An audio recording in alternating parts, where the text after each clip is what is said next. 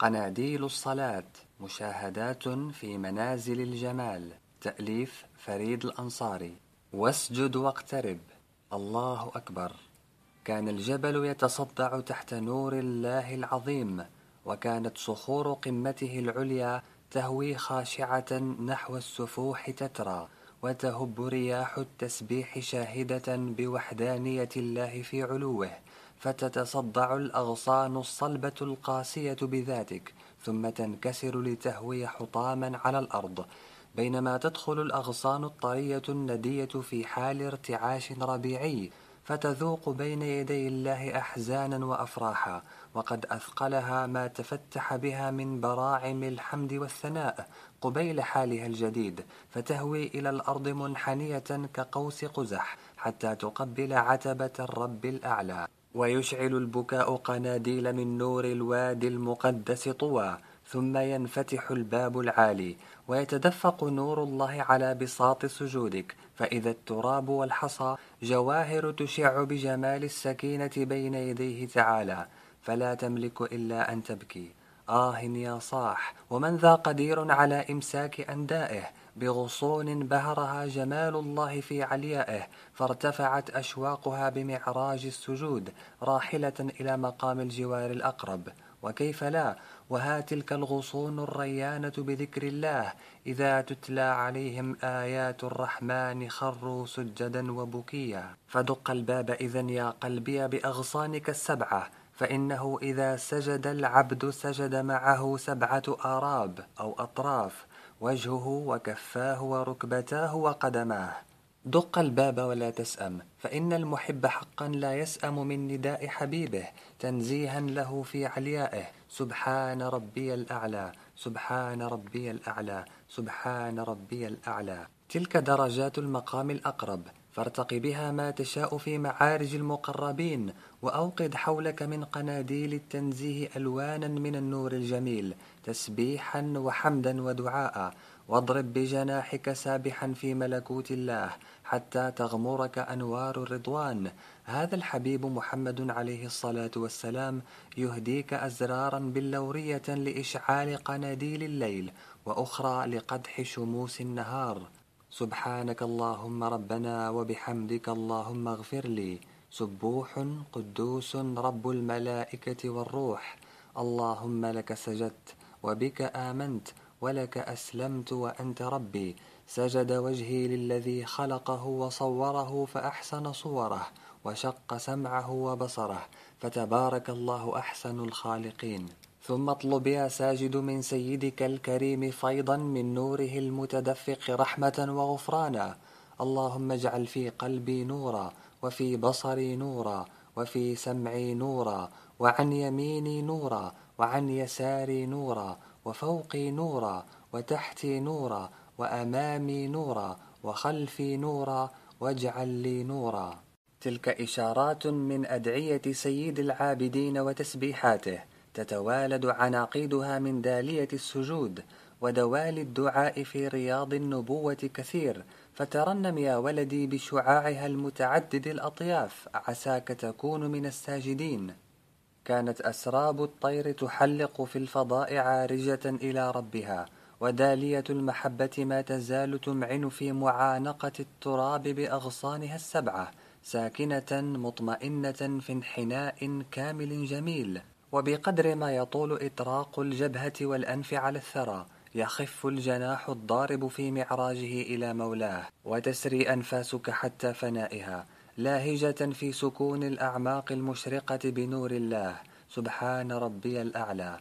نجوى فائرة من فؤاد العبد تفوح أشواقها بأريج محبة المعبود وتلح مواجيدك في طرق الباب الأعلى. دعاء وبكاء ثم تعود إلى تحبير التنزيه الجميل. سبحان ربي الأعلى سبحان ربي الأعلى سبحان ربي الأعلى وينفتح المقام. كان الجمال أبهى وأكرم وكان النور أوفر وأعظم وكان الشهود أعلى وأرفع وكان الفؤاد أقرب وأخشع. وتمتد إليك كؤوس الأنس واردات مرحبة تمسح عنك عناء السفر ووحشة الطريق وتطرق سمعك نجاوى الخلائق الساجدة لربها وتأنس لتسبيحات ما خلق الله من شيء يتفيأ ظلاله عن اليمين والشمائل سجدا لله وهم داخرون. فتذوق جمال السير في موكب العابدين الوافدين من كل الأفلاك والمدارات والعوالم طلبا لمقام القرب الكريم ألم تر أن الله يسجد له من في السماوات ومن في الأرض والشمس والقمر والنجوم والجبال والشجر والدواب وكثير من الناس وكثير حق عليه العذاب ومن يهن الله فما له من مكرم إن الله يفعل ما يشاء وتفور أنفاسك تتوالى بلا انقطاع وهي تسابق العابدين مسارعة إلى جوار الله سبحان ربي الأعلى سبحان ربي الأعلى سبحان ربي الأعلى. هذا مقامك الساعة يا صاح ترتقي به ثلاث مراتب. أما الأولى فقد كان الفؤاد يحلق دون أن يلتفت خلفه أو حواليه والعين مفتوحة على جمال الله في عليائه تسبيحا لا تنقطع أصداؤه بانقطاع ألفاظه. فتطرق خاطرك أطياف الجبال العالية والأكتاف العالية والهامات العالية فتنهار أشباحها الكاذبة تحت علو العلي العظيم جل علاه فلا مكان هنا لغير الذاكرين الخاضعين المخبتين. أما الثانية فتضرب مرة أخرى بجناحك الخفاق في الآفاق سبحان ربي الأعلى. فينقدح نور قنديل آخر بقلبك يخفق به الشوق مضاعفا ويملك ذوق العبادة عليك كل أحوالك. فتتلاشى حواليك رسوم العابدين فلا مكان في خاطرك الساعة لغير غصنك الساجد لله في مملكة الله. فإذا الحياة الدنيا بما فيها تطوى تحت بساط سجودك طيا. تماما مثل ما تطوى الأحلام والأوهام وتمضي في معراجك بين المدارات إلى الله فردا. ذلك مقام استشعار اليوم العظيم.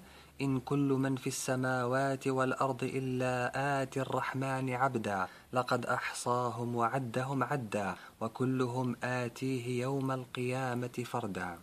وأما الثالثة فقد كان واردك فيضا رقراقا وكان النور يحيطك من كل جهاتك فترشف نفسا آخر من كأس التنزيه سبحان ربي الأعلى. فيمتد النور ليمحو كل العوالم التي سلكت معارجها إلى ربك أثرا أثرا حتى تفنى عما سوى الجليل وحده. ويخفق قلبك شاهدا عبوديته لمولاه متذوقا عذوبة كوثرها المتدفق من مقام الجوار الأقرب.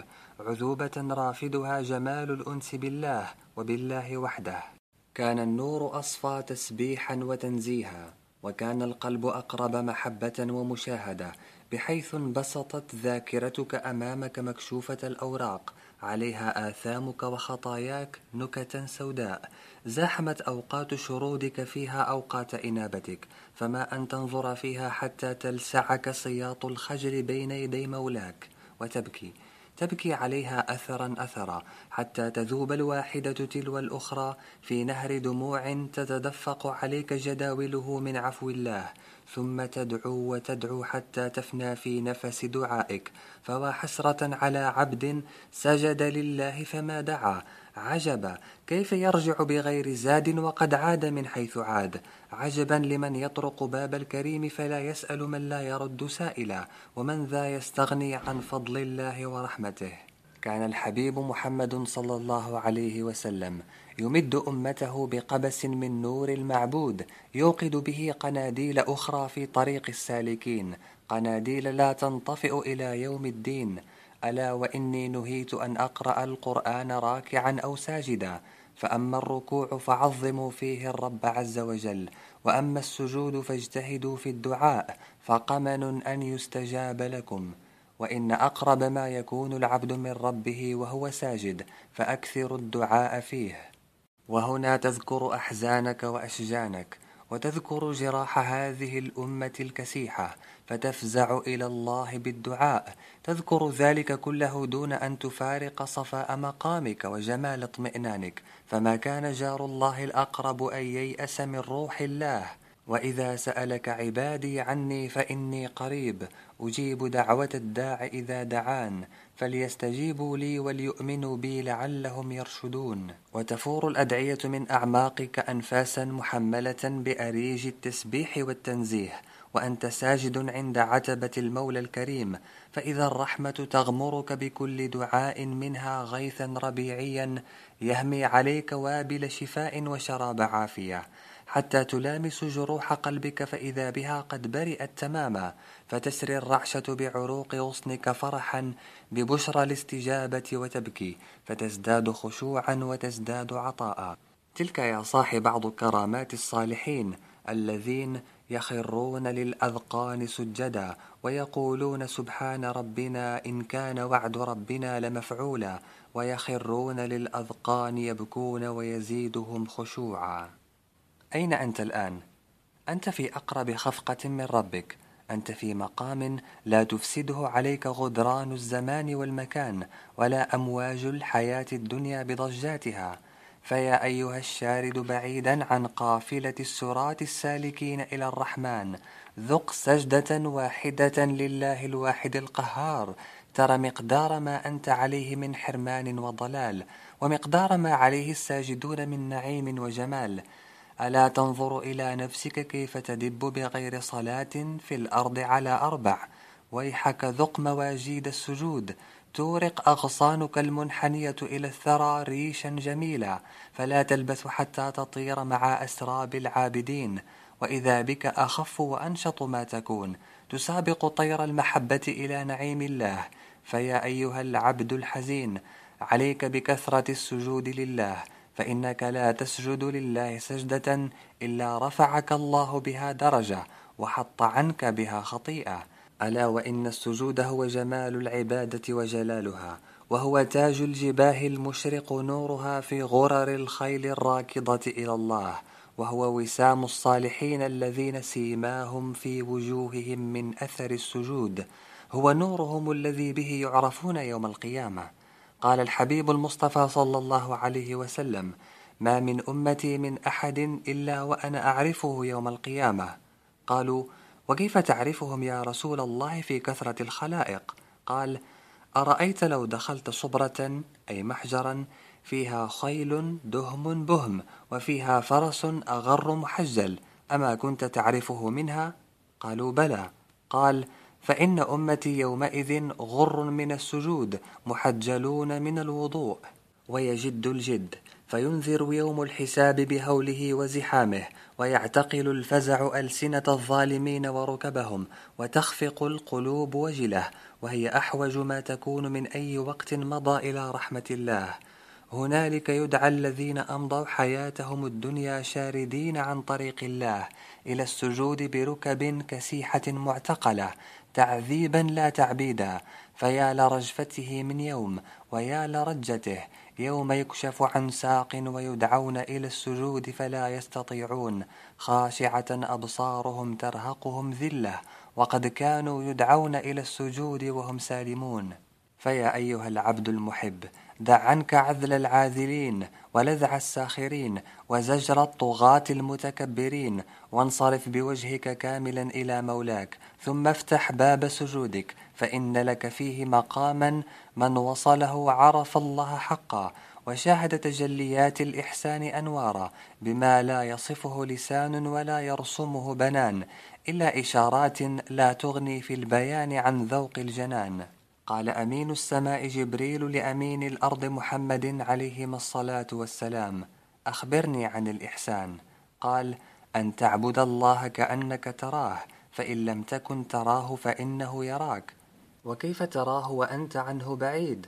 ويحك يا جاهل أحرم عن متاع الحياة الفاني إلى نعيمها الباقي واتخذ قرارك صلبا قبل فوات الأوان فإن الأيام لا ترجع القهقرى أبدا. ولتفك عنك قيود إبليس ولتجرد فؤادك من هواه. هذا شبح الظلام يناديك ملوحا لك بالمناصب والألقاب والقصور الشامخات والغواني الفارهات. حذار يا صاح فإن شبح الظلام غرور. يغريك كي تضل عن طريق سجودك بين يدي الله. حتى إذا فات الأوان شاهدت آنئذ أنما مغريات إبليس تماثيل من طين لما يغمرها الماء تذوب تباعا فلا يبقى إلا الله رب العالمين. كان سجودك رحلة إلى الله يخشع فيها الغصن بوضع هامته على التراب ويخفق فيها القلب محلقا إلى المقام العالي مخلفا وراءه ركام الألقاب والأحزاب ومعارك المال والأعمال مما يدلى به إلى الحكام وإلى رموز الآثام. حينها كان الغصن هادئا وساكنا منحنيا فوق الثرى وموجها كل أطرافه نحو القبلة. باب العروج إلى الرحمن متبعا أثر الرسول صلى الله عليه وسلم في طريقه إلى الله فهو أعبد المتقين ودليل السالكين. وقد كان صلى الله عليه وسلم إذا سجد وجه أصابعه قبل القبلة وفرج بين يديه حتى يرى بياض إبطيه ووضع يديه غير مفترش ولا قابضهما واستقبل بأطراف أصابع رجليه القبلة. كما كان إذا سجد أمكن أنفه وجبهته من الأرض ونحى يديه عن جنبيه ووضع كفيه حذو منكبيه. ذلك أنه إذا سجد العبد سجد معه سبعة أطراف وجهه وكفاه وركبتاه وقدماه. كل شيء إذا فيك راحل إلى الله راحل إليه عبر سجود خاشع عميق الأنفاس. حتى الثوب وحتى الشعر إذا تدلى شيء منهما فلا يكفت أي لا يجمع. حتى يتم رسم صورة العبد المسلم أمره كاملا إلى مولاه. قال الحبيب عليه الصلاة والسلام معلما أمرنا أن نسجد على سبعة أعظم ولا نكفت الثياب والشعر. لوحة حية في تمام التشكيل والتلوين تفيض بآيات الجمال. فأي صورة هذه أم أي معنى؟ هذا العرجون المتدلي فوق الثرى هو الآن أشبه ما يكون بالجسد المقبوض روحه. لكن الحياة هنالك تتدفق بقوة في عمق سكونه المهيب وللقلب الخاشع خفقات ترفع الطير الراحل مقامات أخرى يطوي بها المسافات التي ضاقت عن طيها الأزمنة والقرون.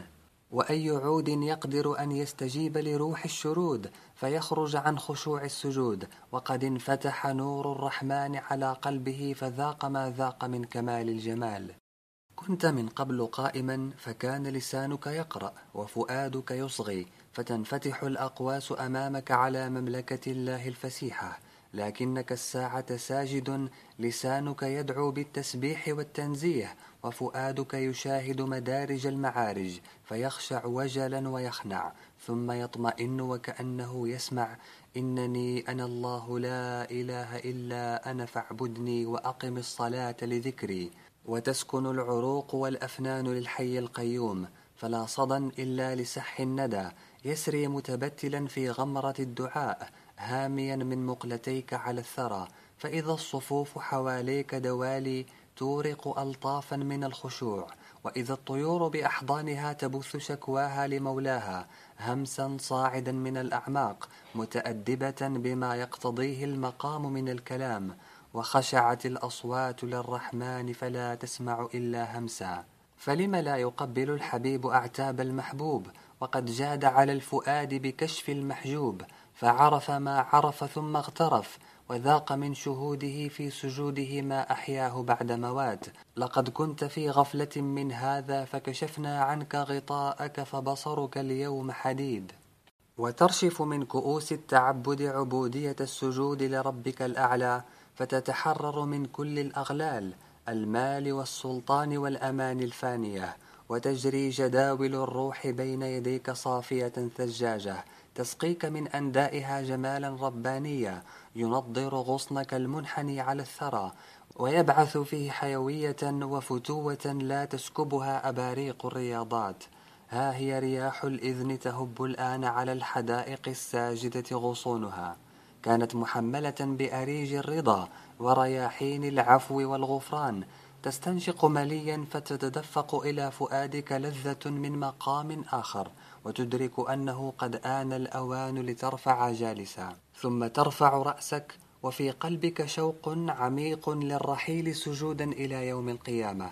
فما يزال النبض الساجد يفيض على غرة صاحبه نورا لا ينتهي بانتهاء الصلاة. فكيف لا يمعن المصطفى الحبيب صلى الله عليه وسلم في وضع وجهه الطاهر على ماء وطين تذللا بين يدي مولاه؟ تلك صورة غرست دالية نور بومضتها البارقة في أفئدة الصحابة الكرام فسحت ما سحت على قلب الصحابي الجليل أبي سعيد الخدري رضي الله عنه وهو يتملى طلعة رسول الله صلى الله عليه وسلم بعيد الصلاة فأوقدها أبو سعيد بهجة قنديل في طريق المحبين إلى يوم الدين. قال متذكرا بعد ذلك بزمن كان سقف المسجد جريد النخل وما نرى في السماء شيئا فجاءت قزعة سحابة فأمطرنا حتى سال سقف المسجد فصلى بنا النبي صلى الله عليه وسلم. وكان مكان سجوده عليه الصلاة والسلام مما أصابه السيلان فأما المسلمين بين يدي المولى الكريم خاشعا متبتلا والماء يغمر الثرى من تحت وجهه الطاهر وهو ساجد لله فما يزيده ذلك إلا حبا وشوقا إلى مولاه. ففي تتمة الحديث قال أبو سعيد رضي الله عنه بعيد انصراف النبي صلى الله عليه وسلم عن الصلاة ولقد رأيت أثر الطين والماء على جبهة رسول الله صلى الله عليه وسلم وأرنبته ألا صلى الله عليك يا سيدي يا رسول الله؟ أي حب هذا الذي سكن قلبك لمولاك حتى جعلت تحتضن الثرى بين يديه جل علاه وتمرغ جبهتك وأنفك الطاهرين في الماء والطين فلا يزدادان إلا طهرا وجمالا؟ أنت النبي الصفي الحبيب القريب الخل المصطفى الرسول المجتبى سيد الأولين والآخرين وإمام الأنبياء والمرسلين تأبى إلا أن تكون عبدا. فيا لجمال العبودية في سجودك يا رسول الله ويا للبهاء المتدفق من مسجدك المتواضع لله. ترحل فيه بين جريد نخل قديم ينز قطرا بمحرابك المترب بحب الله. وبين طين يرتسم على وجهك وساما من نور فيرفعك إلى مقام العبودية الأعلى. ويأبى المترفون اليوم إذا سجدوا إلا أن يسجدوا على فراء الحرير. وهل يسجدون حقا؟ ألا شتان شتان بين سجود الأحباب وسجود الأخشاب.